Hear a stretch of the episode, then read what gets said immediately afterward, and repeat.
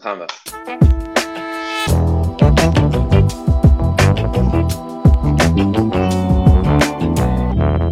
Yo.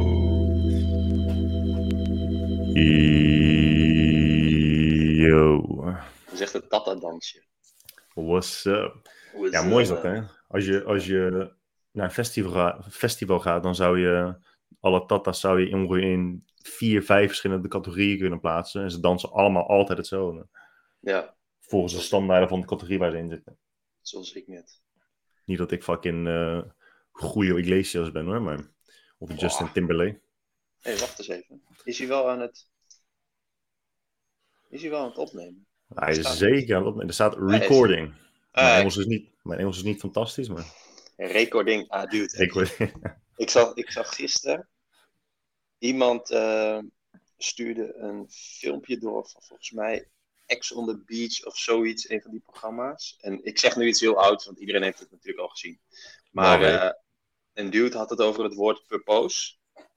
Maar gewoon de Nederlandse versie van purpose. En dat, ja, dat is mijn purpose, zei hij toen. Eh, ik, ik, zeg, ik, ik vertel nu een grap die een half jaar oud is, dus iedereen die nu luistert, zou je denken. Maar dat, dat die chick ook tegen hem zegt, je bedoelt purpose. Ja joh, wat jij wil. Purpose. Oh, dat Ja, je hebt, je hebt echt heftige... Ja, ik, zal- ik, gewoon, ik heb het voor mij al vaak verteld, maar ik zal nooit vergeten dat ik op de middelbare school Engelse les had met iemand die ok zei. In plaats van oké, zei hij altijd ok. Dan las hij een Engelse zin en dan zei hij ok. Dan bro, je, als je dit in het Nederlands zou lezen, zou je toch ook geen ok zeggen? Waarom zeg je nu, waarom zeg je ok? En, dat- en, dan, en dan zei hij echt, nou hij zei dat niet in die, eh, in die zin als, eh, als antwoord, gaf het toch niet als antwoord, maar hij zei wel vaak, ja, I don't know. Dan dacht ik, bro, jij bent next level, jongen. En hij heette Huub, zou ik nooit vergeten, Huub. Maar, maar, niet, maar niet expres deed hij dat. Nee, nou, hij was echt, zijn Engels was zo slecht, zo, zo pijnlijk. Maar waarschijnlijk, als je nu op zijn Instagram kijkt, dan maakt hij allemaal posts in het Engels. Ja, hij Ik snap- werkte, werkte waarschijnlijk in Londen als investmentbanker. Bij de City. Nee, ik- dat, dat zou ik ook gewoon nog steeds niet begrijpen. Waarom mensen opeens het idee hebben: oké, weet je wat ik ga doen? Ik ga allemaal posts in het Engels schrijven. Alsof ze een gigantisch internationaal publiek hebben. En dat die mensen ze allemaal berichten sturen met: oh mijn god, weet je, je posts zijn zo waarschijnlijk zo inspirerend voor zoveel mensen. Maar ja, ik kan ze gewoon niet lezen. Zou je ze alsjeblieft in het Engels kunnen Ja, ja, dat weet ik niet. Ik ken een paar mensen die, die, gewoon, die gewoon Nederlands zijn, die in het Engels posten. Nou, die hebben dus ook voornamelijk een eh, internationaal publiek. Maar ik weet niet zo goed. Ja, ik denk dat het gewoon vanaf het begin al een bewuste keuze is. Maar, Ja, dat, maar dat is ook je antwoord inderdaad. Als je gewoon een internationaal publiek hebt. Die nu Engels posten, ja, daar, daar, ja, En nog pijnlijker, ik vind het nog pijnlijker als, als je twee Nederlanders met elkaar in het Engels in gesprek ziet op eh, Facebook of op Instagram. Ik wil jullie zijn allebei Ne- Spreek gewoon je vak, want je weet van elkaar dat je Nederlands bent. Ja, Ja. Nou ja. Ja, Nou, dat dus- is. Ja. zie ik je volgende week weer.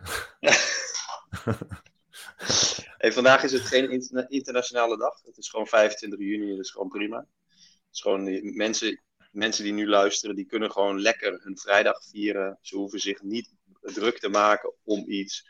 Ze moeten niet vandaag extra aandacht besteden aan X of Y. Het is gewoon, eh, Wel lekker een keertje, toch? het is gewoon zoals het is. Ja, je hoeft je nergens extra bewust van te zijn vandaag. Maar ja, het vervelende is natuurlijk wel weer dat dit waarschijnlijk de e- enige dag is dat dat kan. Dus dan moeten we het wel weer extra speciaal maken. dus het is gewoon een dag van niks. Maar vandaag heb je door de mentale rust extra veel de tijd om je te richten op dingen die extra aandacht nodig hebben. Ja, Al het kwaad in de wereld. ja, ja dat klopt. Ja, En met donaties gaat het ook goed, hè? ja er wordt eh, flink eh, gedoneerd door niemand. Ook, ook deze week heeft eh, niemand weer een flinke donatie gedaan. Dank daarvoor. Ja, we worden, we worden steeds minder relevant. Maar goed, we gaan gewoon door. We gaan gewoon door. Ja, nee, maar de, de, de, de concurrentie van, van twee dudes, die eigenlijk nergens over praten, wordt natuurlijk ook steeds groter. Ja, ik, het is een eh, flinke markt. Kijk, welke podcast luister jij eigenlijk? Geen. Nul. Gewoon niks. Ja, echt, echt nul. Ik, ik probeer, ik doe mijn best om af en toe in de auto een podcast te luisteren. Maar meestal val ik dan toch terug op de fucking Biblical Series van Jordan Peterson. En die eh, duurt nog, eh, nogal lang. Dus ja, voordat ik daar helemaal doorheen ben, eh, ben ik denk ik 44. De Dus over, dus over één jaar. Ah. ik zat er Ehm, um, achter, jongen. Ja, ik luister dus alleen Neutrale Kijkers en de Knorren podcast. En voor de rest, ja, ook niks. Ik zag gisteren weer iets, dan, dan uh, postte weer iemand eh, een, een podcast over bitcoin en over die gast van uh, El Salvador, die president. Die uh, boekhakker hier, weer. en uh, toen dacht ik, oh ja, dan ga ik dat luisteren. En dan zit je weer acht minuten naar allemaal sponsors te luisteren. En dan, laat me zitten. Ja, dat is wel irritant hoor. Ja. Doet Joe Rogan dat ook nog steeds? Want dat doet hij niet. Dat deed hij nooit bij zijn YouTube-podcast. Uh, maar als je dan de audio luistert, dan krijg je inderdaad allerlei sponsoren. Is die fucking lang. Ah, ja, dat is heel slim voor ons trouwens. Er gaan er meer mensen naar deze livestream kijken. Waar op dit moment uh, toch zeker drie mensen tegelijk naar kijken. Um, nou, dat zou vrijdagochtend de tijd maken voor ons. Dat is best wel uh, bijzonder. Ik ben ook echt net wakker. Dat, dat is wel nice. Nee, ja, ik weet niet of Joe Rogan... Ik heb echt al vet... Sinds Joe Rogan nadat uh, Spotify is... Niet dat het daaraan ligt, maar ik weet nog dat dat groot in het nieuws was. Daarna heb ik volgens mij nooit meer iets geluisterd van ik wist niet eens dat je Spotify video's had, dat dat bestond. De eerste keer dat hij een podcast op Spotify plaatste, dacht ik, oh kut, wel jammer dat je nu geen video's hebt. En toen opende ik de podcast op Spotify en dan krijg je gewoon video gelijk. Oh, nou, dat wist ik ook niet. Ja, Vol verrassingen zit ik, hè? Ja, dat betekent gewoon dat we heel oud worden. Ja, dat is zeker waar. Dat is zeker waar. Uh, ben je gevaccineerd? Dus, eergisteren. Ah, er stond een rij, jongen. Een rij. Ik denk dat de rij 500 meter lang was. En er stond helemaal netjes op maar, anderhalf meter. Dus, stond, ja, oké. Okay. Dus ze stonden wel, ze lagen niet. Want dan is het niet zo bijzonder als het 500 meter. Hè? Maar dan is het wel echt een flinke rij, hè? Ja, het was echt, het was echt uh, sick. Dus ik kwam eraan en ik, uh, ik vind het een beetje hetzelfde als Tweede Kamerverkiezingen. Ik krijg zo'n gevoel van een soort van saamhorigheid. Zo'n zo heel fijn gevoel. Zo, let's go, laten we dit met z'n allen doen of zo. Dat vond ik, ik kon er wel echt van genieten. Alleen toen keek ik, dacht ik, oh, dan ga de rij staan. Toen keek ik, toen keek ik zo, zo, nog verder. Toen dacht ik, oh ik moet helemaal daar beginnen. Dus toen, uh, maar wat ook grappig is, dan loop je dan, want ik, ik liep eigenlijk naar de ingang. Toen kwam ik eigenlijk pas achter dat die rij helemaal er zo ver omheen stond. En, en toen snapte ik dus waar de rij begon. Dan loop ik naar het begin, of eigenlijk het einde van de rij, het begin van de rij. Maar er zijn er ook mensen die dan even een sprintje trekken, zodat ze voor mij in de rij staan. Nee joh. Wat zeg je? Gewoon, in, gewoon inhalen. Voor ja, die waren gewoon aan het sprinten en die staan er vervolgens voor mij in de rij. Maar ja, die rij duurde echt drie kwartier tot een uur of zo. Want uiteindelijk de hele ding duurde een uur en een kwartier. En dat laatste, oh je moet na je vaccinatie moet je een kwartier zitten op een stoeltje. Vanwege iets. En uh, ja, dus, dus ik heb een, gewoon een uur tot mijn vaccinatie was het. Ja, dat is dat die persoon die het sprintje had getrokken, die stond gewoon de hele tijd voor mij, een uur lang. Ja, dat vind ik gewoon dat vind ik prachtig. En ik, dacht me op, ik bedacht me opeens, ja, dit zijn waarschijnlijk heel veel mensen die ook in 1986 geboren zijn. En uh, ja, toen dacht ik, nou, ik ben, nog, ik ben nog best wel jong. Dus met al die mensen heb je iets gemeen. Ik weet niet, want ik, Ja, ik, ik, ik blijf het echt... eh, je, weet, je weet hoe ik over vaccinaties denk. En ik ga ook, ik ga zondag. Alleen toch wel eergisteren voor het eerst gehoord dat een bekende is overleden, man, aan, eh, na het vaccin. Oh, echt? Dus ik weet niet of het, do- het is een beetje semantiek, door het vaccin of na het vaccin, maar na haar vaccinatie is ze gewoon eh, overleden, man. En dat, zo, daar schrok ik wel echt heel erg van. Oh ja, dat is wel sick. Ik wil, ik wil niet, ik wil, ja, ze was denk ik wel al 60 of zo. Ehm, en ik wil ook niet de persoon zijn die dan zegt, oh mijn god, het komt nu wel heel erg dichtbij. Maar, ja, als je dat hoort, denk je, denk je, maar god, dat is wel echt heftig, man. Gewoon helemaal geen, geen onderliggend lijden geconstateerd. Nergens last van, gewoon doodleuk op de, wat was het? Dinsdagmiddag volgens mij. De prikkie halen en gewoon fucking, gewoon fucking dead. Ja. Wel heftig. ja En als we is- kijken naar hoeveel geluk ik heb over het algemeen, dan zou ik misschien wel eens tot die 0,00052% kunnen horen. Ja, dat denk ik. Ga ik sowieso ook wel vanuit bij jou. Dus eh, wellicht is vandaag wel de laatste podcast, man. Dus misschien moet deze extra lang en extra goed worden. Ja. Ja, en, eh, en het is sowieso dan ook een goed moment om te doneren voor jouw eh, kist. Voor mijn crematie. En je, oh, je wil gecremeerd en je urn. Waar wil je eigenlijk uitgestrooid worden? Maakt mij niet uit, man. In, in, het, in de Bitcoin Citadel, als die al straks staat. Er is. En iedereen woont daar. onderuitlaatstrook, zo bij, eh, bij de middenweg. Wat wil ik nou zeggen? Eh, de, de Heemraadsingel. ja die ja. Eh, wat wil ik nou zeggen? Dat er dan mensen Oh, ja, ja. gaan, boos gaan picknicken omdat ze in de stront en in de as zitten. Dat blijft zo'n mooie scène van dingen, jongen. The Big Lebowski. Ken je die film? Ja, die heb ik to- toevallig volgens mij dit jaar voor het eerst gezien. Zo mooi als ze dan het as gaan uitstrooien tegen de wind in. Oh, ja, ja, ja. dat is zo heerlijk. Zo, Zo'n inkoppen, maar zo heerlijk. Voor mij is dat ook een een van de eerste films waarin ze dat deden, waarin ze die grap maakten. Wat ik ook, raar, wat ik ook zo- e- enigszins zorgwekkend vind, en ik, ben, ik heb me daar niet echt verder op, over ingelezen, eh, of Chi erover gesproken. Maar in Israël zie je nu ook hè, dat ja, eh, nagenoeg iedereen is gevaccineerd met Pfizer. En toch worden nu steeds meer mensen weer ziek door die fucking mutatie. Dus Oh ik ja. ben ook heel erg benieuwd wat het in het najaar gaat ehm, opleveren. Maar goed, ik vind het ook wel heel onterecht dat mensen die angst gebruiken als argument om je niet te laten vaccineren. Ik sprak laatst een roze. En eh, die was dus heel bang dat we straks in september weer een volledige lockdown moeten. Dus ik zei, nou ja, joh, daar zou ik me niet heel veel zorgen om maken. Want eh, het vaccineren helpt en werkt wel echt gewoon. Dat zie je gewoon aan, aan alles.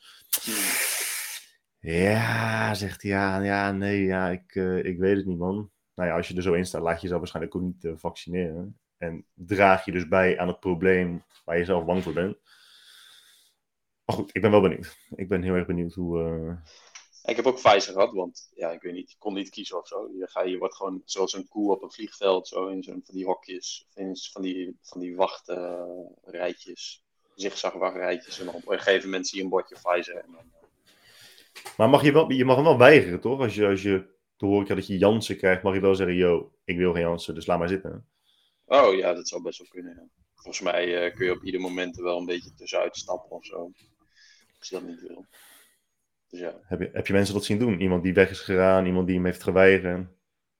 Nee, het, eh, nee, het was gewoon best wel gestroomlijnd. Het, het is ook wel, ik vind het ook best wel interessant. Dat vind ik op vliegvelden trouwens ook altijd interessant. Hoe, hoe goed er eigenlijk is nagedacht over een soort van eh, crowd control. En waar allemaal mensen staan en waar bordjes staan en waar van die rijtjes eh, gemaakt worden. Zodat het voor iedere debiel logisch is wat je aan het doen bent. Of, of dat het zo goed is gedaan dat je niet eens een vraag stelt wat je aan het doen bent. Dat je maar je gewoon laat leiden en dat je gewoon er zo doorheen gaat Ja. ja, dat, dat is wel echt. eh, dat is wel nice. Dus iedereen stond daar maar gewoon een beetje. En toen ik weer buiten kwam, toen zag ik wel wat zeikende mensen over hoe lang de rij was. Die vroegen zich af: ja, waarom maak je dan een afspraak? Toen dacht ik, ja, dit is, wel, dit is wel een beetje een domme vraag. Maar die waren echt een beetje hardop aan het schreeuwen en aan het kankeren en weet ik veel. wat. Maar voor de rest was het wel gewoon prima. Ja, ik eh, vond het wel mooi. dus nu eh, eind juli eh, weer nog één. Maar ik zat. Jenny en ik hebben een visum gekregen nu voor Indonesië. Dus in principe kunnen we daar nu naartoe. Alleen daar zijn de cases wel weer echt keihard aan het oplopen. Dus we, ja. heb je Myanmar gezien? Nee. Ik, ik, ik zag het gisteren voorbij komen en dan wil ik me niet schuldig maken aan eh, de headline culture. Dus dat ik alleen de headline las. Maar het was wel op Zero Hedge. Dus dat is wel. Nou, ik vind dat wel een goede nieuwswebsite. 150.000 cases in één dag. Oh, wat de fuck, hoezo? Ja, er is die, die, koep, die koep is daar geweest, toch? Dus ja. ik denk dat ze daarna opeens hebben gezegd van... Oké, we gaan nu met z'n allen weer beginnen met testen. Dat ze Ah. 150.000 gevallen in één dag hebben. eh. Dus gewoon iedereen heeft het. Ja, dat is heftig. Mijn moeder stuurde, ik zit dat even op te zoeken. Mijn moeder stuurde laatst ook weer. Oh, mijn moeder is af en toe erg. Dat ik denk, maar god. Het is wel een podcast waar we het de hele tijd over je moeder hebben. Nee, soms denk ik echt dat ik geadopteerd ben. Stuur een, een bericht door, een screenshot eh, van de, web, de website Great Reject. Nou ja, de Great Reject, dat, daar kun je al enigszins op opmaken dat het gaat over eh, het vaccin weigeren. Mijn moeder is gevaccineerd, maar dat is alleen maar omdat het van de werk moest. En in Israël kun je wel gewoon zeggen, als jij je niet laat vaccineren, dan mag je niet meer werken. Niet op die manier, maar met een omweg komen ze er wel. Ehm dus heeft zich laten vaccineren, maar ze probeert het nu uit ons hoofd te praten. En ik heb vorige keer al gezegd dat ze zei, ja, er zijn heel veel mensen aan dood gegaan. Nou, dat is niet zo. Nu stuurde ze dus een screenshot van de website Great Reject. En de headline is... eh, 87.000 Dutch doctors and nurses refuse to be vaccinated. Dat is gezegd door dokter Elke de Klerk. Toen dacht ik, oké, 87.000 doktoren en verpleegkundigen. Dat is best veel. dacht ik, oké, hoeveel doktoren, hoeveel artsen zijn er in Nederland? Nou, ongeveer 11 of 12.000. Dus stel je voor dat van die 87.000 alle artsen hebben gezegd, wij nemen het niet. Dan blijven er ongeveer 75.000 mensen over die dus verpleegkundigen zijn. Nou ja, ik vind verpleegkundigen ik ken ook heel veel verpleegkundigen die zeggen: ik neem het vaccin niet, maar ik schaar verpleegkundigen met alle respect niet onder dezelfde, hetzelfde kennisniveau als artsen. Nee. Dus is het sowieso niet, sowieso niet heel, uh, heel bijzonder dat 87.000 mensen dat hebben gezegd. Maar dan ga je dus elke de klerk opzoeken. Ik ken haar niet, maar zij, is dus, zij wordt dus echt onderzocht door de inspectie. Uh, door, ze, ze, ze, ze, overwegen om haar licentie uh, in te nemen. Hoe noem je dat? te laten vervallen. Dat ze dus geen geneeskunde meer mag praktiseren.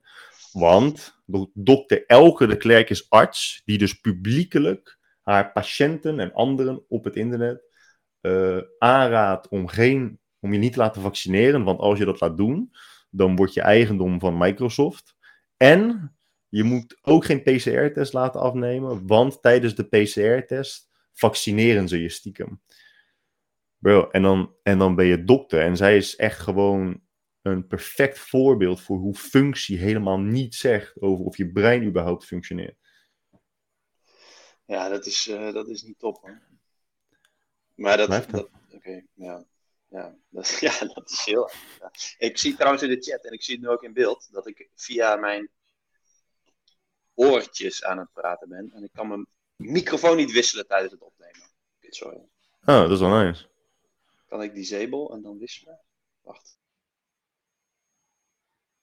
Nee, dat kan niet. Ja, kut. Moeten we even opnieuw opnemen. Ik heb hier Je kan hem even snel, uh, snel uit en aanzetten, toch? Uh, ja. Of, of stopt hij ook de livestream? Ja, ik probeer wel gewoon. Kijk wel even.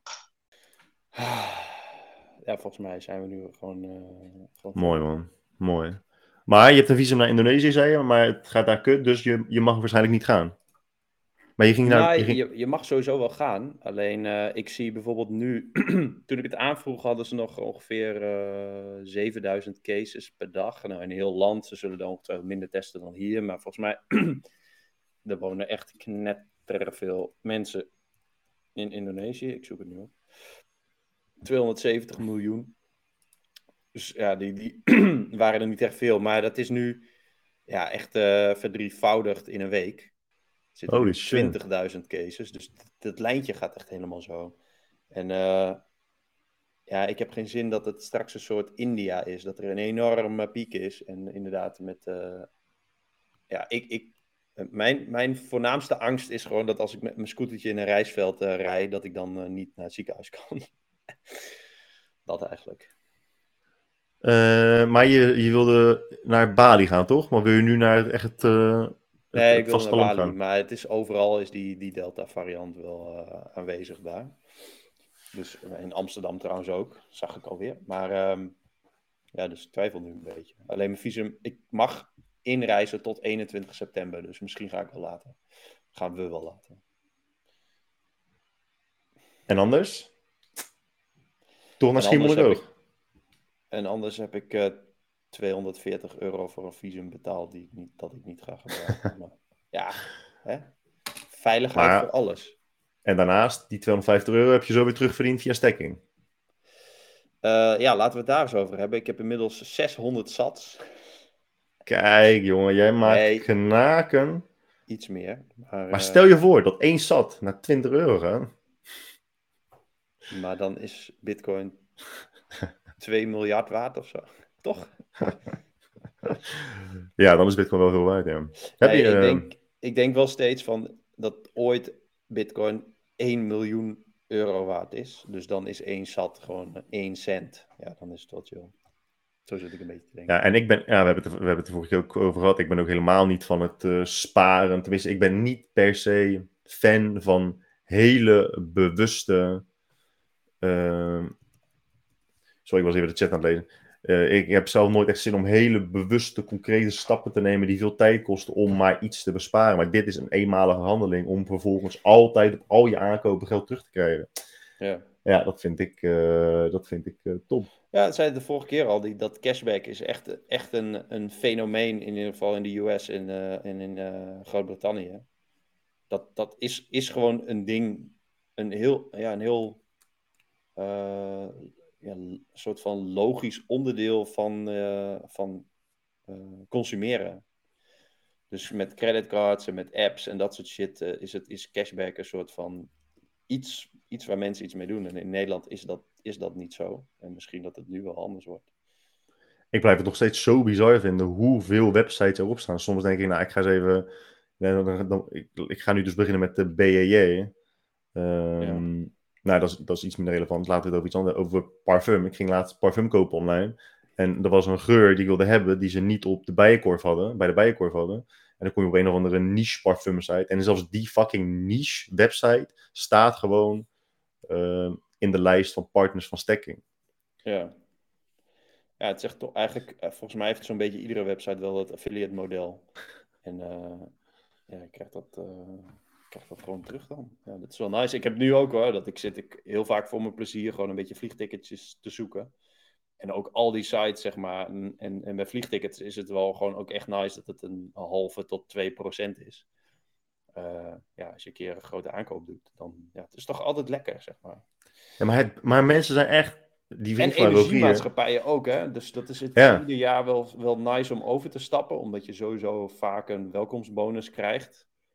Alleen dan krijg je echt flink wat sats terug. Te waarde van nu uh, tientallen euro's. Ja, dat, dat is wel echt uh, slim om te doen. Ja, dat is dan een van de. Een van, sommige websites hebben inderdaad dat je één keer uh, tot aan een maximaal bedrag geld terugkrijgt. Maar dat is, ja. gewoon, dat is gewoon veel. Ik heb T-Mobile inderdaad 92.500 sets teruggekregen. Dus wat is dat? 20 euro of zo? Nou, dat vind ik gewoon, ja, dus, vind ik gewoon lekker. Ja, 3000 zat is nu een euro, toch? Zoiets. Ja, dus 30, 30 piek is dat. Ja, dat is, maar neem bijvoorbeeld, neem bijvoorbeeld Rogier, onze vriend Rogier van YOLO. Die gaat uh, in de zomer naar Atlantis in Dubai. En dan gaan ze met heel de familie. Kost je gewoon 18.000 euro. Ik zeg, Ro, je, krijgt bij Atlantis, je krijgt bij Atlantis krijg je ook uh, geld terug op je aankoop. Dus doe het gewoon. Het is gewoon een paar honderd euro dat je dan terugkrijgt. Die je dan terugkrijgt. Ja, nee man, dat is te veel weg. te ja, veel weg. Het is... Ja, het is ook wel eens... Ja, weet je wat ik dus heel bijzonder vind? Mensen die zoveel geld uitgeven aan bijvoorbeeld dat aan de ene kant, ik, ik heb het niet specifiek over Rogier, maar aan de ene kant snap, snap ik of denk ik dat mensen die goed op hun centen letten rijk zijn. Aan de andere kant heb je ook mensen die gewoon zoveel geld uitgeven, die het dan dus ook niet zo heel veel boeit. Een paar honderd euro maakt dan ook niet zo heel veel meer uit. Dan, dan snap ik ook wel dat hij dat zegt. Dus ja, ik zit een beetje dat, dat...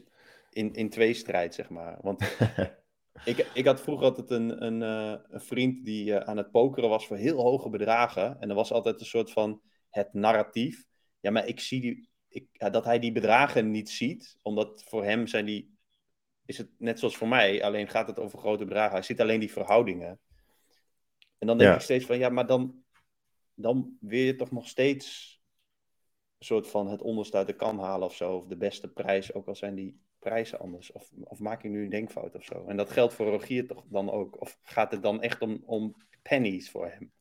Nou ja, het is, het is inderdaad hoe, hoe, hoe, meer, hoe meer geld je hebt, hoe, hoe, hoe groter een bedrag moet worden voordat jij daar een bepaald gevoel bij krijgt. Voordat je bedrag ja, significant ja, vindt. Of, of, maar, da, maar los daarvan, los van het geld, los van de bedragen, heb je nog steeds geld verdienen. Je hebt geld uitgeven en je hebt geld preserveren. En ja, alle drie die dingen moeten gewoon enigszins op orde zijn. En als jij gewoon geld kunt, geld kunt verdienen over geld dat je uitgeeft, ja, dan, dan vind ik het vreemd als je dat niet doet. En dan heb ik het niet over dus een eenmalige uitgave, maar structurele uitgave. Als je structureel geld terug kunt krijgen op geld dat je uitgeeft en dat niet doet, is dat gewoon zonde, want je recycelt gewoon geld en dat is, dat is fijn. Ja, en het geld dat je eh, hebt, maar waar je niks mee doet. En dat je dat gewoon maar laat staan op de bank en of negatieve rente betaalt, of je krijgt fucking 18 eurocent over een eeuw is ook gewoon zonde. Het is echt gewoon elke dag kansen laten liggen. En ik vind dat best gek, want mensen vinden geld zo belangrijk, maar ze benutten de kansen niet. En dan kun je zeggen, ja, ze weten het niet. Dat klopt. Maar als ze wel eens naar deze podcast luisteren, dan weten ze dat er precies zijn.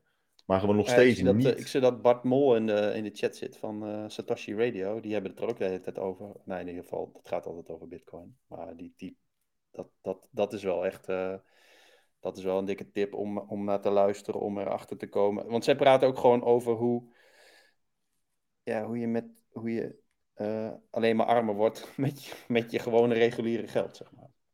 Ja, dat is ook zo. Ik heb nu, ik heb nu toevallig gisteren gekeken. Uh, ik had vorige week, nou oké, per week verdien ik nu op mijn bitcoin um, uitlenen aan traders die dat gebruiken voor margin trading. En je rentepercentage en het bouwen van je bitcoin wordt gegarandeerd door de exchange waar ik het op doe, ftx.com. En ik verdien daar tussen de 30 en 40 euro per week mee. Alleen maar door gewoon mijn bitcoin daar neer te zetten en dan elk uur een uur lang vast te zetten. En als ik zeg, ik wil het nu niet meer uitlenen, dan annuleer je het. En heb je binnen een uur heb je gewoon weer je bitcoin.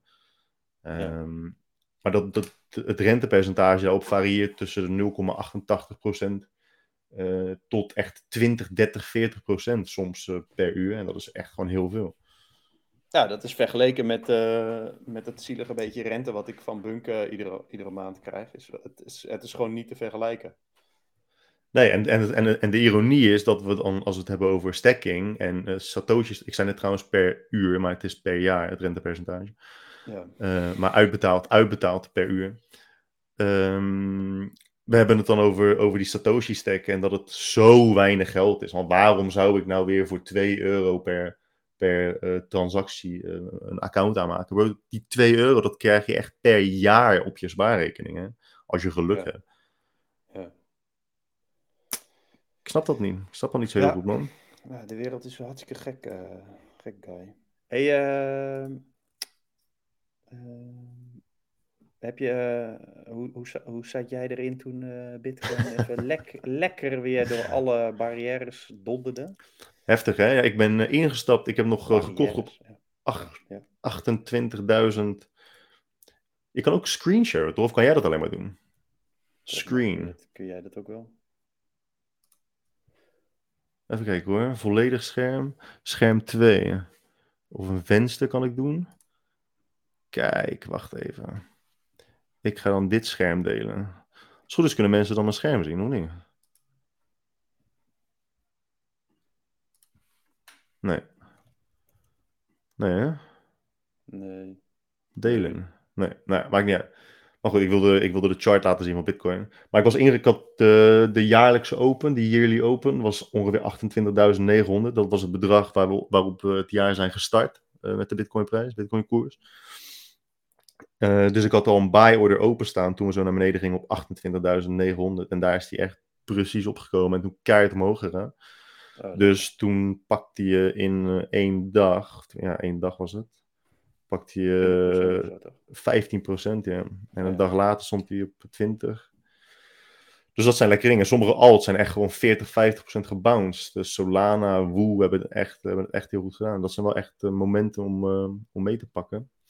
Ja. Maar goed, ja, weet je, ik kan wel leuk gaan uh, zitten doen. Maar als ik had verkocht toen we op de top stonden, dan was het iets beter geweest. Ja. Maar uiteindelijk komen we daar. We zijn nog steeds fucking bullish. En we ik hoop jij ook. netter bullish. We zijn long, strong en bullish as fuck. Hoe, uh... Hoe... Dat zo heet onze podcast toch ook? Long, strong en bullish as fuck. Nee, gewoon knetter bullish. Oh, knetter fuck. Oh, als ik nu zoek op Google knetter bullish peen uien, dan kom ik op een hutspot gerecht. de ultieme...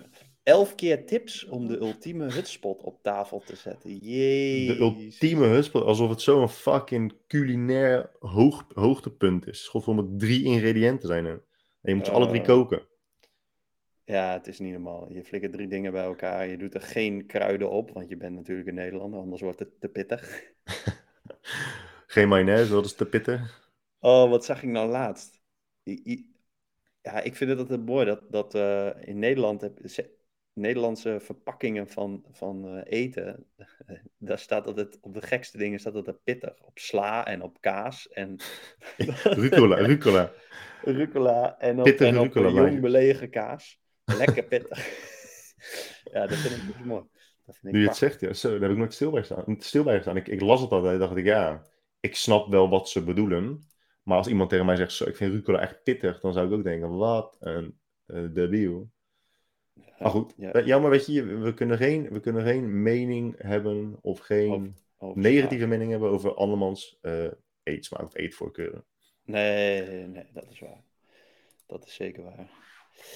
Maar ben jij, een beetje, ben jij wel een beetje kalm gebleven tijdens uh, het dipje? Want we zijn nu weer aan het zakken. En ik heb nu een buy-order openstaan op 33.880 dollar. Uh, uh, nee, ja, ik heb het een tijdje geleden ook al gezegd. Dat in 2017, 18 vond ik het allemaal wel helemaal kut en zo. Als het zo knetterhard daalde. En, ja, dat is gewoon allemaal kloten. Maar nu, ja, nu is het gewoon, ja, weet niet. Ik, ik verkoop gewoon niet. Gewoon, maar heb eh, je, heb je Akash gezien? Ja, vandaag ging die weer uh, eh, 30% omhoog, toch?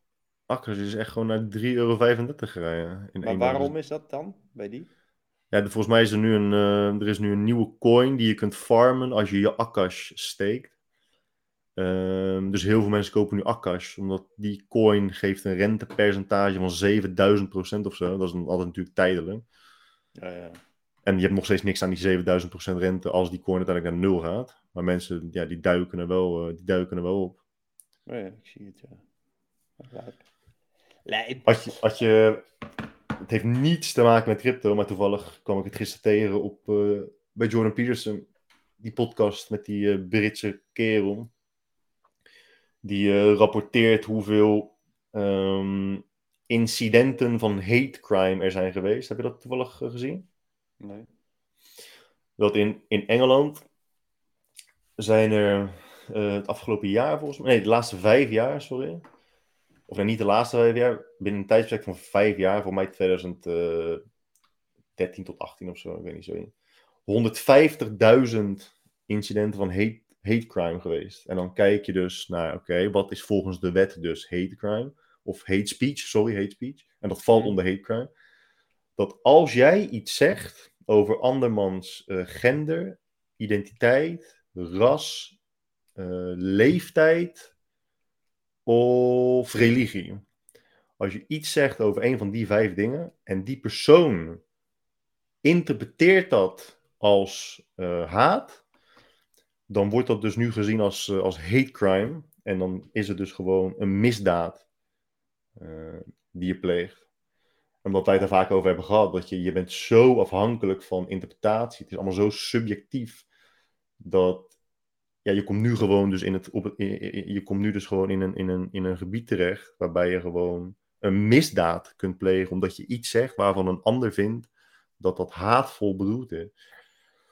Ja, dat is wel, dat is wel eng, man. Ik zat laatst ook weer video's te kijken van uh, ons, onze grote vriend Pietersen. Over dat hij zegt van ja, er zijn oneindig aantal dingen waarop je mensen kunt onderscheiden. Dus het eindpunt is altijd het individu. En toen zei hij van ja, maar dan moeten de meeste mensen nog achterkomen dat dat het eindpunt is. En dat je dat zo alleen het onderscheid kan maken. Dat, het, dat je kunt dat nooit op, hoe dat? Op losse parameters doen. Toen dacht ik ja, dat is ook wel zo. En het is ook wel echt irritant dat dat. Ehm, ja, dat het nu anders lijkt. Hij zei van ja, als je met één iemand in gesprek bent, ja, dan is de kans dat je iemand weet dat, tegen het cerebeen stoot, schop, klein. Bij 10 wordt het al groter, bij 100 wordt het echt onmogelijk om niemand, uh, hoe heet dat? Um, ja, niemand tegen je in het harnas te jagen. Bij 1000 is het, er is altijd wel iemand die iets kut vindt, zeg maar. Maar wat is dan de oplossing? de, de, grap is ook dat er heel veel mensen zijn die dus gewoon het hele bestaan van identiteitspolitiek ontkennen. Die zeggen gewoon, nee, nee dat, dat, dat, dat bestaat gewoon niet. Ze hadden het ook over uh, cancel culture, dat dat, dat dat ook een fabricatie is van, uh, van uh, the right-wing propaganda. dus dat het, dat het helemaal niet bestaat. Terwijl je gewoon, je, je kunt het letterlijk in de wereld om je heen observeren. Dat mensen gewoon verdwijnen, die worden gewoon opgeschoord, die, die verliezen gewoon hun baan omdat ze iets hebben gezegd waarvan één of twee of vijf mensen vinden dat dat niet had gekund, dat het niet had gemogen.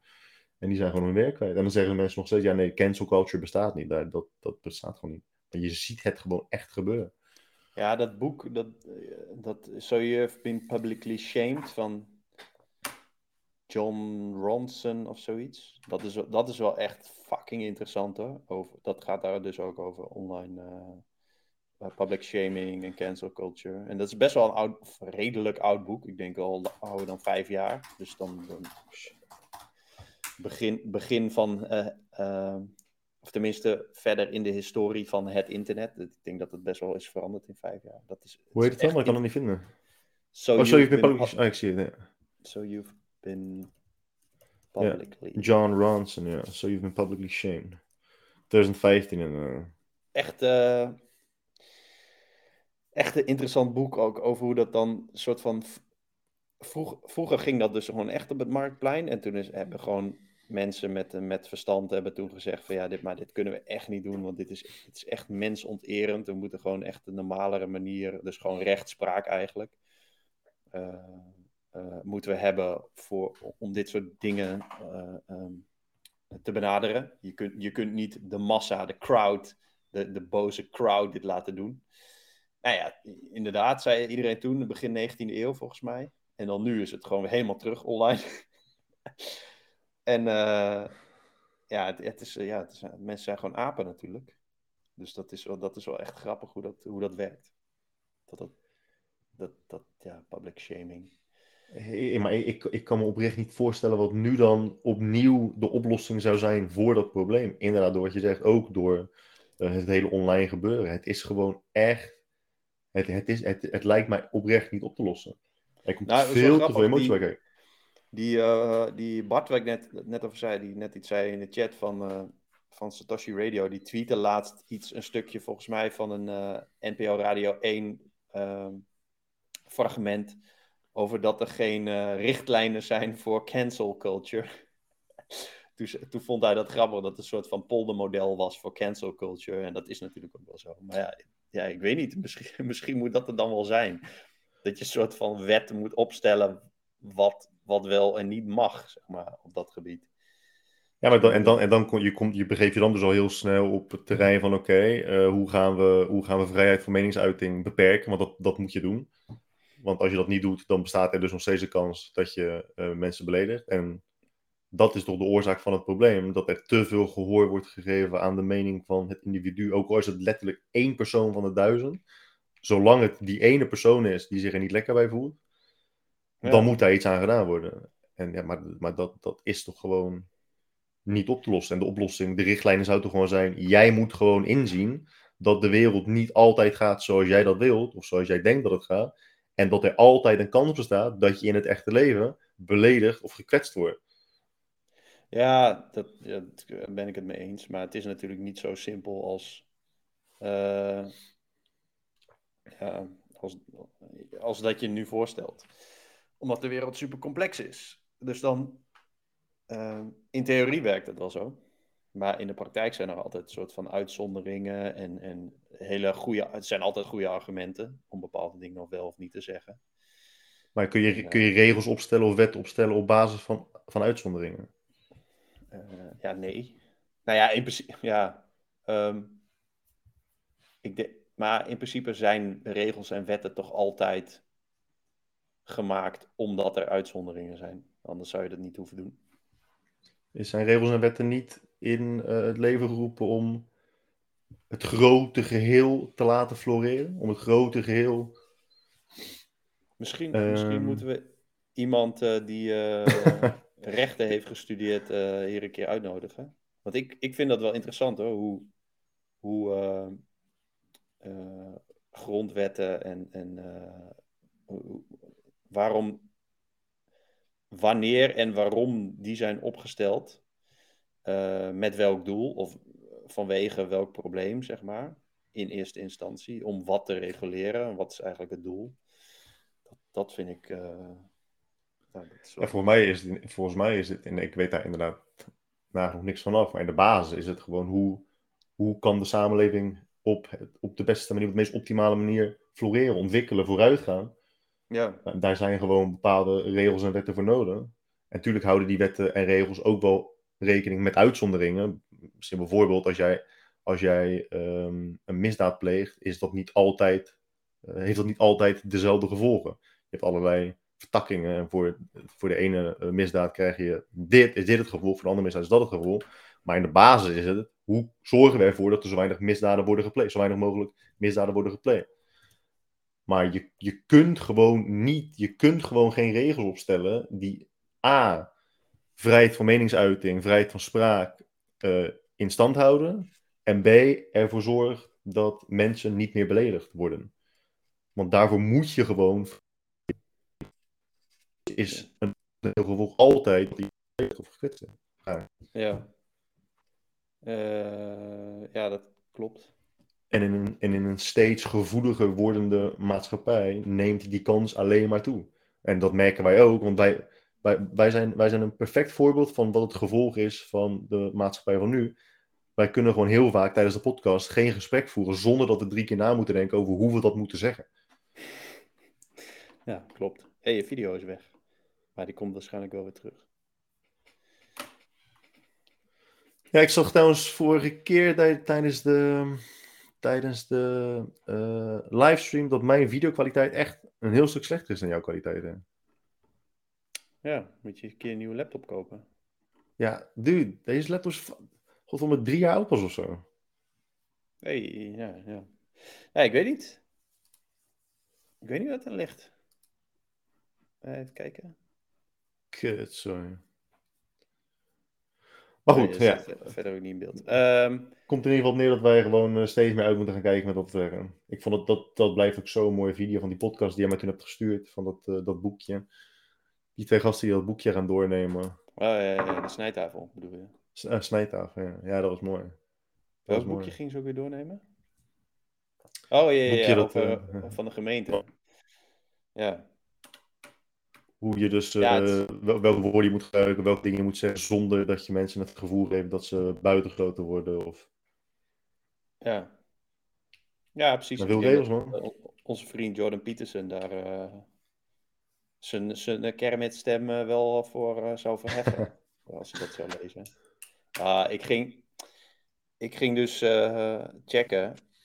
Jordan Peterson, Kermit, Frog, en dan, maar er zijn dus wel echt een paar mensen die dan Kermit, Kermit de Kikker beeld met Jordan Peterson geluid hebben geëdit.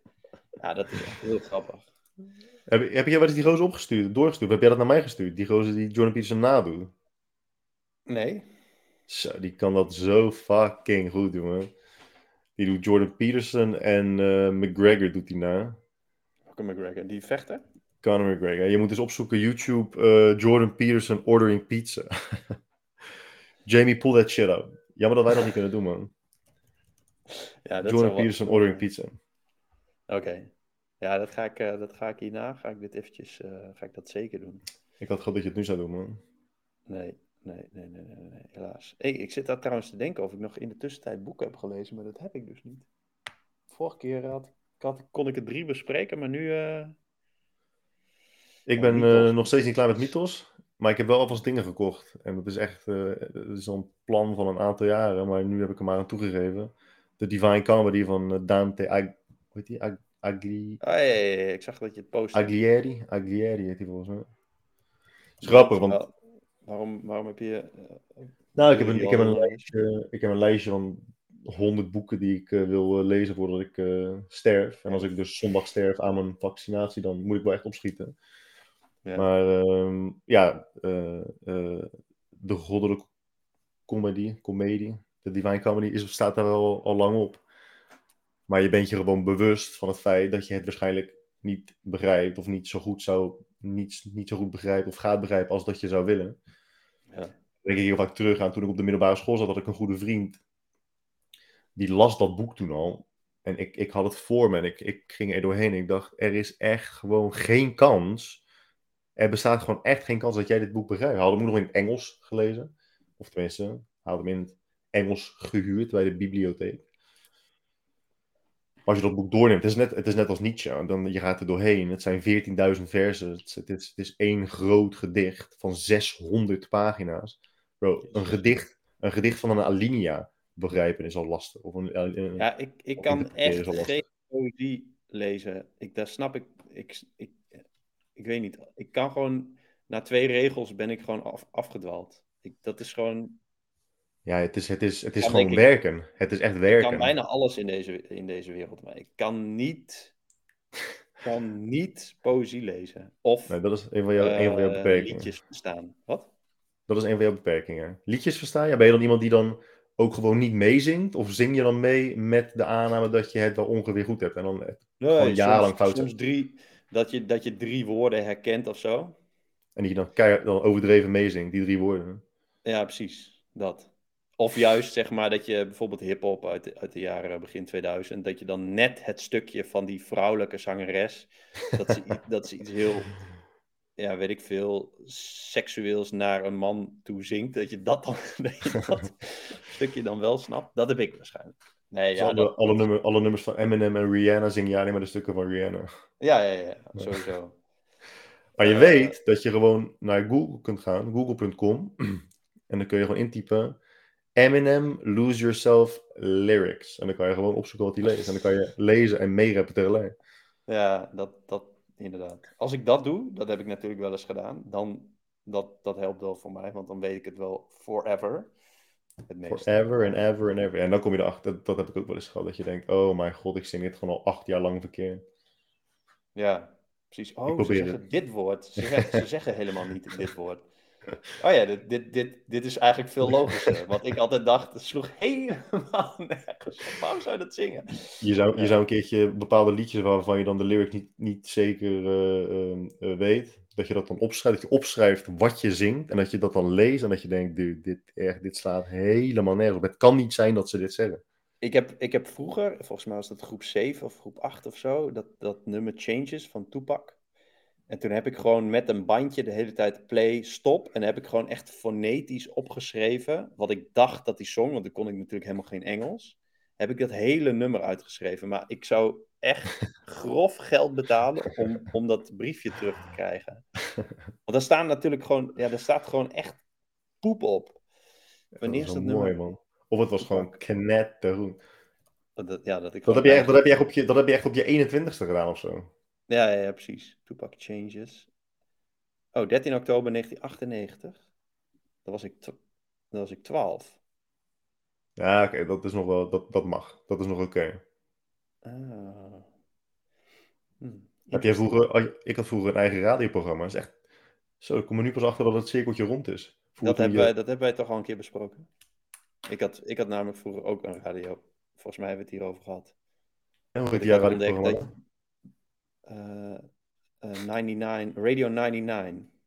Echt? Dat is nog best wel hip. Ja, dat, en dan, ik dacht dan, uh, ik had ontdekt dat je met je, had je vroeger van die, van die koptelefoons, weet je wel, van gewoon echt van plastic plaatjes die je tegen je, tegen je oor aanzetten met, met hier ook een stukje plastic. En ik had ontdekt dat als je die in de microfoon deed en erin praatte, dan was het een microfoon. Dat was zo fantastisch dat ik dat ontdekt. Maar dan hoorde je het zo, zo helemaal gedempt. Gewoon net zoals net toen ik hier doorheen praatte. Maar Radio 99, dat is gewoon nice. Zie, toen kwam je creativiteit toch naar boven. Radio 99, ja. Maar vertel over jouw radioprogramma. Hoe deed jij dat? Nou, dus, nou, dat is niet zo boeiend. En, en toen de tijd kon dat nog, in die goede oude tijd. Maar als, als ik nu uh, een radioprogramma had met dezelfde naam, zou ik waarschijnlijk aangeklaagd worden. Maar ons radioprogramma, want we waren wel een duo, twee DJ's, twee disc jockeys. Uh, ons radioprogramma heette Shaquille en de Biel. En dan was Shaquille was... Shaquille was dan een uh, Hindoestaanse jongen bij ons uh, op school, in de klas. En daar hadden we helemaal, helemaal niets op tegen, maar we vonden dat gewoon een... ja, dat vonden wij gewoon een leuke naam. Oprecht gewoon een, een, een, een, pakkende naam.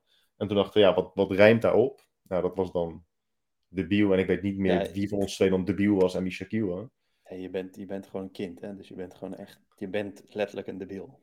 Ja, maar er zijn dus letterlijk mensen die vinden dat kinderen racistisch zijn en kunnen zijn, omdat ze dan, ja, daar heb het al over gehad, dus dat doet er niet toe. Maar goed, ik, uh, dat, was, uh, dat was niet uh, met een, het was geen racistische radiozender, hadden ook in principe nul luisteraars. Maar dat was dan bandjes opnemen.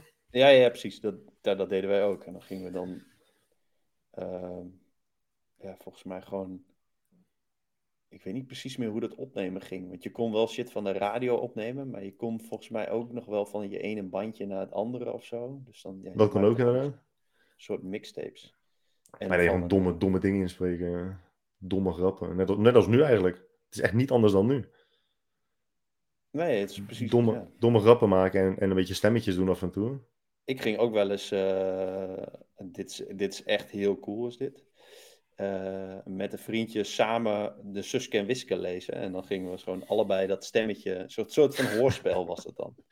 Want iedereen, of allebei waren dan verschillende karakters. Ja, volgens mij namen we dat dan ook op. Vet. En dan nog steeds. En dan nog steeds. Nu heb je ook... En ik, ik, ik, ik begrijp het gewoon niet. Ik snap niet precies wat volwassen mensen bedoelen als ze zeggen dat wij onderschatten hoeveel kinderen weten. Ik, ik, ik snap het wel, maar, maar het is helemaal niet zo bijzonder. Je bent godverdomme zelf toch kind geweest. Je wist gewoon helemaal niets. Je had fucking kiezelstenen en je nam radioprogramma's op die Shaquille en debiel heet. Je was echt gewoon een halve debiel. Ja, of een volledige debiel. Ja. Nee, nee ja, inderdaad. Nee, maar kinderen zijn heel puur. Kinderen zijn heel puur en kinderen weten echt heel veel. Bro, kinderen helemaal niet. nee. ja. Nee, ja, no offense naar, naar mijn nichtjes en neefjes, maar uh, ja, die, ja, ik uh, vind ze heel lief en cute en zo. En uh, ben heel blij met ze en vind het heel gezellig, maar ze weten echt niks. Maar dat is, dat is ook hetzelfde met dieren. Dan zeggen mensen, oh mijn god, honden zijn zo slim. Bro, hele, Helemaal niet. Ik vind Kiba echt waanzinnig. Kiba is echt mijn favoriete... Creatie. ja, mijn, mijn favoriete, mijn favoriete godscreatie die, die ik ooit heb gezien. Maar ja, ik ga echt niet hier zitten en zeggen... Zo, mijn hond is zo slim. Ik verbaas me daar echt om. Ik verbaas me er echt om dat als hij merkt dat hij vastzit om een lantaarnpaal... dat hij terug kan lopen om zichzelf uit de knoop te lopen. Bizar. Het is echt mind-blowing gewoon. Ik las trouwens nooit de Suske en Wiske, man. Ik las altijd van die rare dingen die nooit iemand las. Ik las uh, de wondersloffen van Shaki. ken dat? ken ik ook wel, ja, ja, ja.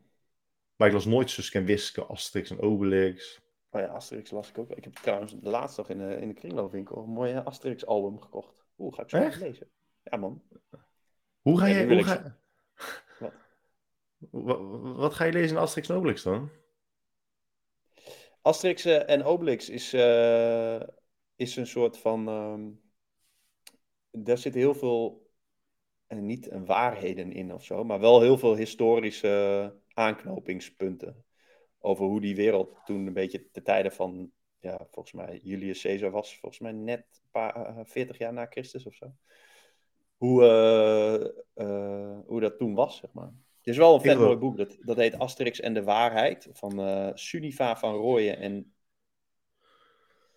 nog iemand? Dat zijn twee historici. Die leggen dan uit van hoe, hoe, hoe zag Europa er toen uit in die tijd. En, en zij waarderen wel echt hoe die, hoe die schrijver en tekenaar van Asterix, hoe die um, ja, veel, veel van die, van die karakters en momenten en relaties en volkeren en zo, hoe die die terug laten komen. Dat, dat, ja, dat is best wel interessant.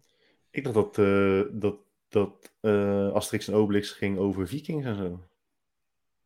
Ja, ze, hebben wel, ze hebben wel een album dat heet En, en de Vikingen, volgens mij. Of maar, maar het zijn toch Vikingen ook? Of zo? Het zijn toch een Vikingen, of niet? Galliërs. Oh ja, Vikingen. Ja. Fransen. Dus uh, nu het album uh, Asterix en de Britten. Maar ja, natuurlijk, vroeger had je natuurlijk ook wel gewoon bootjes die van Frankrijk naar, uh, naar Groot-Brittannië gingen en zo. En ja, dat, dat, is, dat is gewoon... het is echt opeens Pandora's Box. Ik noem Asterix en Obelix. En echt al je kennis over Asterix en Obelix komt... Ja, ik vond dat master vroeger. Ik ging ook altijd Asterix natekenen en zo. ja, en die, en Asterix is die kleine, toch? Ja, zo heet het album ook. Asterix. Obelix. En, en Obelix is gewoon, dat hoort er gewoon niet bij, zeg maar, in de titel. Maar... Asterix en Obelix. Hoe heet, dat, hoe heet dat hondje? Felix of zo? Idefix. Oh, Ide, oh Idefix, ja. En, en al die namen, zeg maar, dat, dat, die hebben natuurlijk ook allemaal een betekenis. En uh, die de Franse karakternamen en de Nederlandse karakternamen zijn wel wat anders. Maar, heeft, het, heeft het te maken met een. Uh, het is geen generatiekloof natuurlijk. Want ik ken ook mensen van mijn leeftijd die dan precies dus Suske en Wiske, Asterix en Obelix en zo lazen. En dan heb je andere groepen die dan weer heel iets anders lezen. Maar ik snap niet zo goed hoe dat, hoe dat ontstaat. Want je krijgt het niet echt vanuit je ouders mee. Ja, ik wel. Want eh, mijn vader had wel Asterix-albums, volgens mij. Oké. Ja, dus volgens mij is het wel in de jaren zeventig begonnen, toen hij uh, wat jonger was. Hadden Asterix en Obelix ook een, een, uh, had je ook een tekenfilm een, op, op Cartoon Network of zo? Fox nee, nee, nee. Volgens mij waren het gewoon niet gewoon uh, losse tekenfilms, weet je wel, van een uur of zo. Niet van die uh, afleveringen. Speelfilms. Speelfilms. Nee, ja, vet. Ik had ook op de Game Boy en zo Asterix spelletjes. En op de Sega hadden wij. We hadden nooit een Nintendo, maar een Sega. Maar, zie je, dat is, ook, dat is ook weer zoiets waar, waar ik nooit echt begrijp hoe de ene groep mensen, groep kinderen, echt inderdaad helemaal Sega is, uh, met, met Sega is opgegroeid. En de andere dan vooral Nintendo. Ja, je, daar, daar, wat dat betreft ben je wel afhankelijk van je ouders, want die kopen dat voor je. Ik heb dus echt nou, nooit een Sega gehad. Dat vind ik wel interessant, want volgens ik, ik weet niet of het. Want ik had een Sega Master System 2 met Sonic en Alex the Kid. En er zijn best wel wat mensen die dat ook hadden. Ik denk dat, uh, dat 2,5 persoon in deze chat wel best wel kunnen reageren wat zij dan hadden. Um, maar uh, um, ja, de meeste mensen hadden natuurlijk gewoon een uh, zo'n Super Nintendo. Ik had eerst die grijze Nintendo met, met, met Mario. Die heeft mijn vader uitgespeeld. Hè. Je kon niet saven. Dus je, kon, je moest gewoon dagen achter elkaar de Nintendo aan laten staan. Dag en nacht heeft hij gespeeld. Dan heeft hij dus Mario uitgespeeld. Voor mij Maar moet je eens op YouTube naar de laatste levels kijken. Dat is echt niet te doen. En als je op een gegeven moment dood bent. Van mensen die, die het in 23 minuten kunnen uitspelen. Nee, dat kan niet, man. Heel Mario? Ja, gewoon echt, maar gewoon echt helemaal perfect dat kunnen uitspelen. Ja, dat heb je wel. Ja, dat, is echt, dat is echt bizar. Maar ja, je moet een hobby hebben. Ja. En van, van, van die Nintendo, die grijze Nintendo, gingen we naar de PlayStation 1 al gelijk. Oh nee, natuurlijk niet. Helemaal niet. Nintendo 64. Ah ja, die had je ook nog. Want je hebt, je hebt niet echt, je hebt niet oh echt een jeugd gehad nog zonder Nintendo 64 en Mario Kart.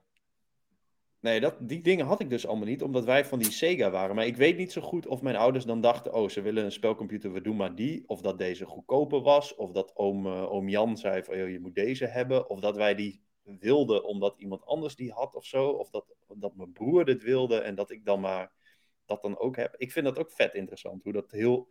Ja, bepaalt niet je leven. Dat, dat slaat nergens op. Maar het is wel echt een groot onderdeel van je jeugd welke spelcomputer je had en of je die had. Ja, absoluut. En, en, en, mensen kijken echt met zoveel plezier terug naar, naar, bepaalde, naar bepaalde games en spelen dat nu gewoon nog steeds. En die blijven ja, maar... opnieuw uitdringen. Ja, en die muziek en zo, als je dat weer hoort, dan denk je, oh, dat was vet inderdaad, dat was dit level. Dus het is, het is echt een heel groot deel van je brein is voor, voor je hele leven imprint met die geluidjes en die karakters en die, en die uh, ja, gewoon die dynamiek om dat spel heen. Maar, de eerste keer dat je met vind, het, ik vind het wel bijzonder dat, dat je. ja, hoe dat, hoe dat dus gaat. Of dat bijvoorbeeld dat wij in Hogeveen misschien iets andere shit deden dan, uh, dan jij in Rotterdam of zo. Ik weet niet precies of dat, of dat zo is. Ja, iemand, Lennart zegt dat de, de Sega was uh, eerder dan Nintendo. Nintendo werd later populairder. Maar... Oh. En misschien zit ik er dus helemaal naast omdat ik geen Sega heb gehad. Maar ik vergis me volgens mij niet als ik zeg dat Nintendo en spelletjes zoals uh, Mario Brothers, dat dat eindeloos zo populair is geweest en nu nog steeds is dan een ding als Sonic, toch? Terwijl aan de andere kant denk ik, uh, de, de, zoon van Doan, die weet ook gewoon nu nog steeds wat Sonic is. Ja. Ik maar Mario, Mario is toch een van de populairste games alle tijden? Er is toch bijna niets populairder dan, dan Mario? Ik dacht wel echt heel lang dat het Mario Bros was. en Warner Bros. Dat kan je, maar dat denken heel veel mensen. Ik denk dat er, nog, dat er nu gewoon luisteraars zijn die dit horen en denken: oh, is Bros Brothers? Ah, shit, dat is wel zeggen. Maar. Uh... Mario Bros. Maar iedereen. Maar, maar heb je ook gewoon geen Nintendo gehad? Dus heb je nooit de, de klassieke Mario gespeeld? Uh, nee, dus alleen de, de Game Boy. En dat is wel uh, Nintendo Game Boy, toch? Nintendo is een Game Boy, ja. Ja dus maar dat is heftig, man. Wel, maar ik had ook niet zo heel veel spelletjes erop. Um, maar je hebt ook, ja, dus je hebt ook geen op de Super Nintendo of Nintendo 64 Mario Kart gespeeld? Nee. Nee, nee, nee. nee. Alleen nu... Ik weet niet, man, uh, jammer. Ik weet niet. Ik weet niet of we dat in deze podcast uh, voort kunnen zetten. Nu op de Switch uh, heb ik het. Volgens mij heb ik van vrienden gehoord dat hij daar best wel aan kan tippen, die op de Nintendo Switch, aan de, aan de Classic. Nou, het is echt leuk. Het is, het is, ik heb ooit een keer podcast opgenomen met uh, Samuel, die uh, heel veel heeft geschreven voor Power Unlimited en een, en een gamejournalist is. Nog steeds trouwens.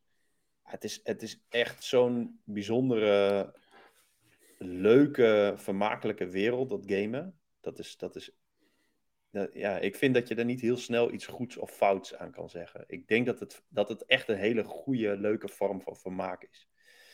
Gamen. En nu heb je weer mensen die denken, ja maar Jelmer, weet je niet hoeveel mensen daar echt verschrikkelijk verslaafd aan zijn geworden? Ja, dat is ook echt mensen die Alleen... alles opgeven ervoor. Ja. Dus we moeten gamen verbieden. Dat, dat is uh, waar. Nou, ik denk dat we gewoon mensen moeten verbieden. Dat zou ook wel leuk zijn. Ja, cancelen. Je moet gewoon gamers moet je cancelen. ik, heb zo, ik heb zo een erge gamerperiode gehad. Dat is echt heel erg, man.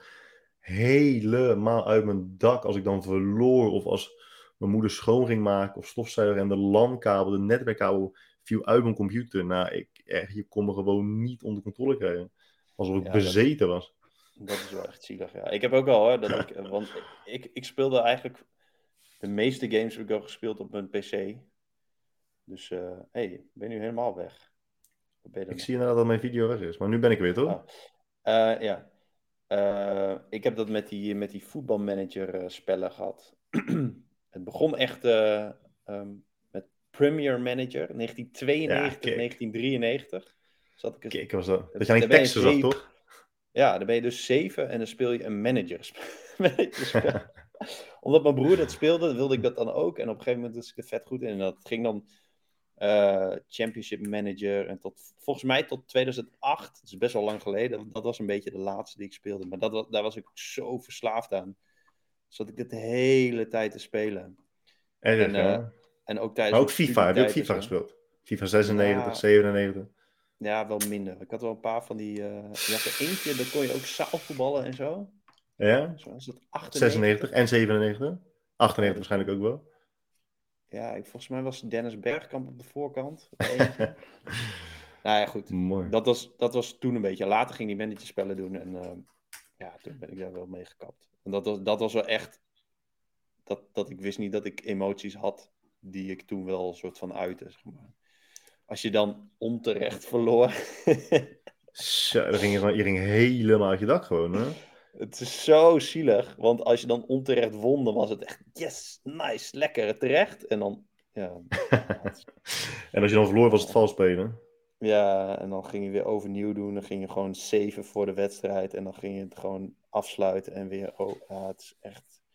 Ik heb Power Unlimited trouwens lang niet gehoord, maar de laatste keer dat ik Power Unlimited heb gehoord, ik, had, ik verzamelde Power Unlimited. Hè. Het is echt zo erg. Als ik hier aan terugdenk, word ik ook gewoon boos ik was zo blij met mijn verzameling Power Limited. Want ze waren best duur. En ik kocht ze dan als kind van spaarcentjes en zo. En op een gegeven moment had ik er best wel veel. Gewoon voor mij doen tientallen.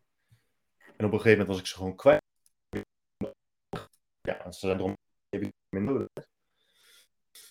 Oh, mijn hemel. Dat is heftig hoor. Zo zie je hoe ik dus getekend ben als uh, kind zijn. Dat is echt een trauma. Maar daarom ben je dus een oude vent geworden, omdat jij gewoon uh, een jaar lang gegamed hebt en toen ben je gewoon tien jaar van je leven verloren. Een jaar? Ik heb echt zoveel langer gegamed. Toen ik Soldier of Fortune speelde, speelde ik ook echt speelde je... met Nederlands kampioenschappen en wereldkampioenschappen. Heb je niet uh, heb je spijt dat je daar zoveel tijd aan hebt besteed? Nee man, het was echt een heerlijke tijd. Het was echt een mooie tijd. Ja, ik heb dan een beetje hetzelfde, ja. Ik denk heel vaak voor, uh, ik heb zo, ook vroeger, zeg maar, toen, je, gewoon, toen ik echt op de basisschool zat, SimCity en zo, dat soort, dat soort spellen. En het ja, ik speelde wel echt veel online games hoor. Ik speelde wel echt veel online multiplayer games. Dus je, was, je had constant contact met mensen van over heel de wereld. Dus je leert ook daadwerkelijk van andere culturen, andere mensen. Je ja, je, je ontwikkelt toch bepaalde, een bepaald soort vriendschap. Geen vriendschappen zoals we die vandaag de dag zouden moeten kennen als volwassen personen. Maar ja, toch wel bepaalde vriendschappen. En, nee, ik vond het wel uh, altijd leuk weer. Ik heb nooit uh, van die multiplayer dingen, uh, dingen gespeeld. Alleen maar gewoon lekker alleen. Helemaal alleen. alleen in Hogeveen. Ja. ja, nee, maar die spellen heb ik ook veel gespeeld door die Championship Manager. Maar dat is echt, dat is zo echt. Ik, heb, ik ben zelfs ooit verslaafd geraakt aan een spel dat heet Samurai of Legend. En dat is een online tekst RPG. Dus je hebt, alles is gewoon tekst op een website. Dus je klikt letterlijk gewoon door en leest tekst. Nou, daar was ik verslaafd aan, jongen. Samurai of Legend. Ja, ik zie het nu. Wow, dat ziet er echt niet uit. Ja, vet Zo, dus... En nu speel ik uh, natuurlijk nog steeds. Ik speel nu al iets van 650 dagen achter elkaar uh, Rise of Kingdoms. Ja, op je telefoon toch? Ja, je bent echt een zielig vent, ja. Dan ik jou bezoeken en dat je nou even dat ding aan hebt. Oh. Ja, je, weet, je moet gewoon doen wat je moet doen, Jammer de Boer. Dat ja, ik, wil dus, ik zat laatst weer, dacht ik, oh, ik ga weer zo'n strategie spelen. Dat vind ik eigenlijk het leukst. Dat je gewoon, weet ik veel, een dorpje moet bouwen of zo. En ik zag volgens mij, ja, ik weet niet meer hoe het heette. Maar ja, goed, ik zag iets en toen zag ik weer wat anders. Dacht ik, oh, ik ga dit downloaden met dat Steam. Alleen toen dacht ik, hé, maar is dit echt het... Want Steam wordt door iedereen gebruikt, toch? Ja. dacht ik, hé, maar dit kan er toch niet zo uitzien? Dit ziet er toch echt niet uit als een platform dat gewoon heel groot is en door de hele wereld gebruikt wordt. En toen heb ik toch iets gedownload. Maar toen bleek het dus gewoon een Windows game te zijn. Toen dacht ik, ja, ik heb dus toch geen Windows machine. toen dacht ik, laat me zitten. Is maar goed. Oh, je hebt geen Windows PC. Ja. Ik, wil, ik wilde zeggen, een vriend van mij is een game aan het uh, ontwikkelen al twee jaar. En die komt binnenkort uit. En dat is dus een, uh, ook een management je eigen nieuws agency echt heel kick. Ik heb de trailer gezien la. Wat, je kan wat dus een manager? Je nieuws agency, je nieuws, nieuws, uh, oh. hoe noem je dat? Oh ja, Tropico, dat lijkt me vet. Maar, wat is het woord voor nieuwsagency? Uh, nieuwsdienst. Nee. Maar goed, je, je hebt in ieder geval je, ja, je, ja, je manage je eigen krant, laat het Je manage je eigen krant. En je ziet dan gewoon vanaf de zijkant zie je je kantoorgebouw en die kan je eindeloos hoog maken. En je moet, al je werknemers moet je uh, tevreden houden natuurlijk. Dus ze mogen niet te dicht bij de, uh, de, de, de, machines die de kranten drukken werken. Want dan, dan worden ze overbelast door het geluid. Ze mogen niet te dicht bij de toiletten werken. Er moeten genoeg toiletten zijn. Ze moeten genoeg betaald krijgen. Ze moeten, ze moeten promotie krijgen als ze boven presteren. Het gaat best wel diep, maar echt wel tof. Ze zijn al twee jaar lang aan het, aan het bouwen. Vet.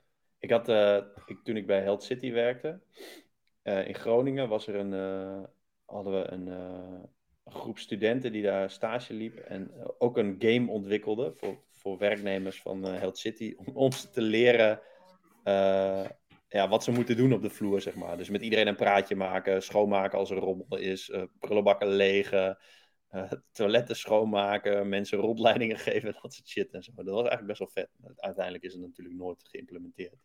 Volgens mij leer je dat zo bij Fitvak. Ik heb, ik heb wel eens begrepen dus dat je bij Fitvak ook leert hoe je, hoe je fitnessapparatuur schoon moet maken en zo volgens mij. Ik denk dat iemand dat een keertje tegen mij heeft gezegd. Dat ik, oh, maar, ja, ik moest toen best wel veel uh, dat, dat uitleggen, zeg maar. Hoe dat, hoe dat van die, ja, van die basisdingen, hoe dat werkt en zo. Maar ja, met zo'n game is het... Uh, ik weet niet of dat, of dat zou helpen. Als je eerst een half jaar, half jaar knettergoed in die game, of je dan ook een goede fitnessinstructeur wordt. Maar het, zou, best wel kunnen. Maar dat spel is dus op Steam, daarom daar is ook me komen. Want dat spel heb je op, uh, op Steam. Maar voor mij is Steam inderdaad helemaal voor PC. Ja, ik zit nu te kijken, ik zit intussen te googlen. Dat Tropico, dat leek wel mooi. Dan heb je een tropisch eiland en moet je een dorpje bouwen. Tropico Game Mac. Nou, het klinkt dus gewoon als Age of Empire. Ja, precies. Jezus, 50 euro, anderhalve ster. Oh, twee beoordelingen. Does not work, I want my money back. Oké. top. Dat vind ik wel goed spel. 30 gig. Ja, ik heb wel echt veel spel. Je hebt ook uh, Far Cry en zo gespeeld op de PC. Nee, nee. Tropico 6 ook echt gewoon. Ja. Ik, uh... Heb je Ho Holiday Island gespeeld? Nee. Zo, dat ga je wel vet vinden hoor. Holiday Island. Dat was ook wel kick vroeger. Dan, had je, dan kon je dus ook gewoon een, had je ook een tropisch eiland. En dan moest je dus een, vakantieoord van, uh, van bouwen. Met hotels. Voor mij had je, had je toen zelfs al Hilton Hotel. Moet je maar intypen. Holiday Island Game. Ja, dat was kick hoor. Dat was wel heel kick. Oh, Weggetjes bouwen en dan, en dan vliegvelden bouwen. Hoi yo, is echt een soort SimCity. Echt een, soort Nee, uh, nee uh, ja, ik heb, ik heb uh, ja, vroeger toen ik, weet ik veel, de basisschool zat en middelbare school, dan speelde ik gewoon SimCity, Seven Kingdoms, weet ik veel, Motorracer. Je hebt wel dingen gespeeld hoor. Je hebt toch wel, ja oké, okay, Age of Empires heb je gespeeld, gelukkig. Maar je hebt toch uh, Rollercoaster Tycoon. Ja, ja, die ook, ja. Nee, die niet. Wel ehm, eh, Dungeon Keeper. Oh ja, Dungeon Keeper. Maar mijn broertje was daar goed is in. ook wel heel kick. Die was er echt goed in. Dat is ook, een- dat, is ook een- dat hele sfeertje, dat vond ik wel echt vet mooi. Daar kon ik me helemaal verliezen. Maar, ehm, Zo, Dungeon Keeper, ja. en later was het Diablo. maar... eh, nee, dat heb ik ook niet gespeeld. Later was het ehm eh, voetbalmanager dus. En eh The Curse of Monkey Island natuurlijk. Dat is mijn all-time favorite. Dat vind ik echt een vet spel. The Curse of Monkey Island. Ja, dat En heb je Duke Nukem gespeeld? Ja, ja. Dat, maar dat was Duke echt basisschool volgens mij. Toch? En Duke Doom. Nukem was basisschool, ja. Ja, ja Doom, Duke Doom, dan. Maar Duke Nukem erg dat je die strippers had. En dat je, ja, dat was zo vet, jongen. Al die demonen afknallen. 1996 Caesar kwam die 3. eerst uit. Caesar 3. 3, zegt Leonard. Caesar 3 heb ik, eh, heb ik nooit gespeeld. Zo ziet het er ook Oh. wel kicken. Caesar 3, ja. Ja, ja, ja, die heb ik ook gespeeld. Maar, dit eh, vond ik dus altijd kut. Dat als je dan iets bouwt, bijvoorbeeld, bijvoorbeeld bij Age of Empires, ik wilde altijd gewoon heel veel tijd spenderen aan iets bouwen, aan een, aan een stad bouwen. Of ja, met eh, eh, Red Alert of Command and Conquer. Maar dan bouw je dus aan je stad en dan word je dus aangevallen en dan ben je alles kwijt. Zo irritant, jongen. Ik wilde gewoon eerst vier weken lang bouwen en dan pas beginnen met vechten. Ja, maar daar, daarom was SimCity ook zo leuk. Want dan kon je gewoon die disasters uitzetten. En dan kun je gewoon een stad bouwen. Is SimCity ooit nog verder ontwikkeld? Of zijn ze daar gewoon mee gestopt? Ja, ja, ze hebben nu nog steeds wel dat soort... eh, je hebt ook wel allerlei varianten die erop lijken. Oh ja, Caesar 3. Caesar 3, dat, dat speelde ik wel, maar dat vond ik vet moeilijk. Want ik, het kwam eigenlijk altijd in de schulden. Dus dat, dat ging voor mij eh. SimCity videogame. Ja, ik moet niet gaan kijken, want dan ga ik dadelijk ook weer iets, iets spelen. En dan zit ik weer, kan ik elke week niet meer podcasten omdat ik aan het spelen ben. Ja, het is, eh, het is, het is mooi. Maar ehm, Waarom speel je dat niet meer dan, SimCity? Want dat ziet er wel echt heel kick uit, ja. ja, dat weet ik niet. En bij SimCity moet je dus Ja. gewoon een stad bouwen die gewoon zo groot mogelijk wordt of zo. Eh, ja, op een gegeven moment heb je gewoon ehm, veel geld en zo. Ja, je had altijd van die dingen, hoe heet dat? Arc, arcologies. Ar- Ja, ik was natuurlijk een kind. Arcologies. Weet je die dingen? Arcologies. Dat waren dan een soort van hele grote, grote gebouwen. Ken je dat niet? Arcologies. Futuristic self-contained cities within a huge population. Dus het is gewoon eh, een soort grote gebouwen met erin waar, waar gewoon mensen alles konden doen. Een stad in een stad. En op een gegeven Ja. moment had je dus zoveel geld. En dan kon je je hele stad weer volzetten met die dingen. Weet ik niet waarom. Maar ik speelde ook Sim Farm. Sim Safari, ook vet. Sim Safari. Moest je Safari Park maken. Dus je hebt gewoon, oh, je hebt gewoon knetter veel spellen gespeeld, man. Ja, ja, maar wel de hele tijd dat soort dingen die in je eentje waren en die gewoon nooit stopten. Oh, kut. Eh, Ja. wel leuk dat er nog steeds mensen luisteren naar dit, naar dit herinneringen ophalen zonder eh, structuur. Naar de, pod, naar de podcast waarbij we gewoon alleen maar namen van games opnoemen. Ja, En nooit dezelfde games hebben Ehm, gespeeld. ja. Ja. Ik ga straks... Hoe lang zijn we bezig, eh Jammer de Boer? Ik moet naar de sportschool, man. Want zoals je ziet, eh, dit live, die eh, is niet uit zichzelf zo hè? niet. Onderuit zichzelf niet, nee. Wat ga je doen dan? Wat voor, wat voor training doe je? Vandaag ga ik squatjes maken. Squatjes. Squatten. Bank, squatten. Ik ga squatten en ik ga bankdrukken. Ik doe elke training doe ik of deadliften of squatten. Ja. Dan doe ik een benchpress. Dan doe ik een pull-down of een zero. En ik doe schouders en armen. That's it. En eh, je probeert drie keer in de week te gaan. Ik ga nu drie, vier keer naar week. Drie, vier keer in de week. Ja, Dus dat is, dat is netto 2,88 keer. Omdat Op een goede elke week. keer naar de tandarts moet en zo. Dat soort dingen. Ga je ook trainen vandaag, ja toch? Jij moet ook weer gaan. Ik zag net aan je Ja, armen dat ze wel ik weer... Heb, eh, ik heb wat- vier gyms waar ik uit kan kiezen. Ik ben zo, wat een baas ben ik, joh. Ik heb zoveel gyms. Heb je heb vier sportschoolabonnementen? Nou, ik kan bij eh, Changing Life trainen. Alleen ik kan alleen in de daluren, dus dat is tussen 11 en 5. Alleen ik kan bij Vondel Gym, heb ik een abonnement bij Vondel Gym Oost. Maar nu... Oh ja, daar wil ik het nog wel even over hebben, voordat je naar de gym gaat. Nu heb je dus in verband met COVID, mag je in alle Vondel Gym sportscholen. Ze hebben er drie. En normaal heb je een abonnement bij één. Maar nu kun je dus overal. Maar waar ik het over wil hebben is dat je tegenwoordig allemaal dingen in verband met COVID, puntje, puntje, puntje, die nergens op slaan. In verband met COVID moet je nu, als je naar de biep gaat, een mandje. In verband met COVID is de Vondelgym wel, voor, mag je wel bij drie verschillende vestigingen. Maar niet meer tot 11 uur s avonds open, maar tot half tien of tot tien uur. Ja, verband ja hier hebben we het, hier hebben we het een keertje over gehad, man. Maar dat, dat heb je nu, dat heb je het laatste jaar. Gewoon alles is, je moet overal begrip voor hebben in verband met COVID. Maar het heeft helemaal niks met COVID te maken. Sommige regels slaan gewoon echt helemaal nergens op. In verband gisteren was ik, oké, dit was gisteren in de biep. Ik dacht, ik ga even in de biep zitten. Vind ik altijd een chille plek. Kan ik een beetje door boekjes bladeren. Maar dan kan ik ook, het is altijd heel rustig. Kan ik gewoon een beetje, uh, ik was dus, uh, mijn cv aan het maken. En uh, dus ik naar de biep. Je cv aan het maken?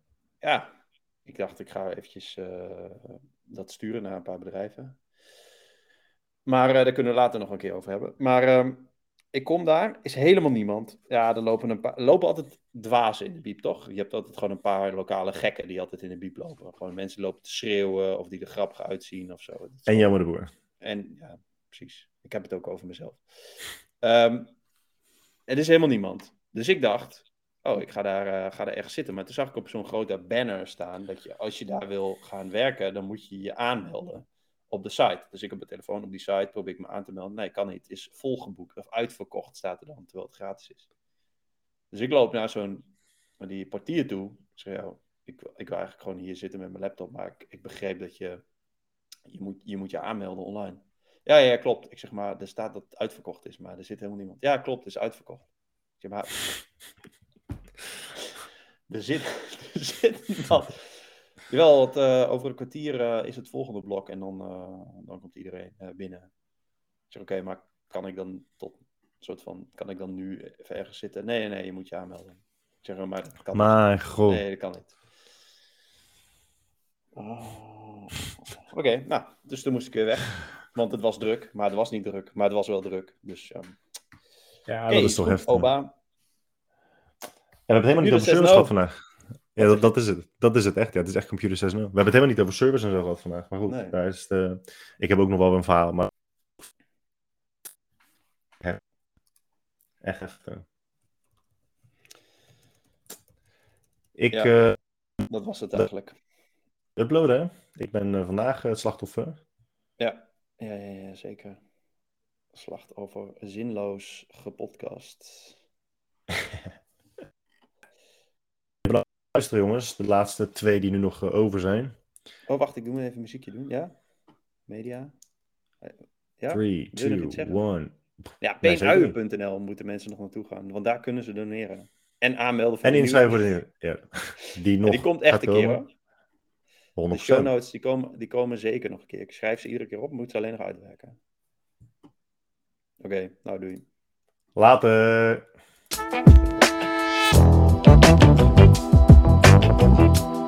Ik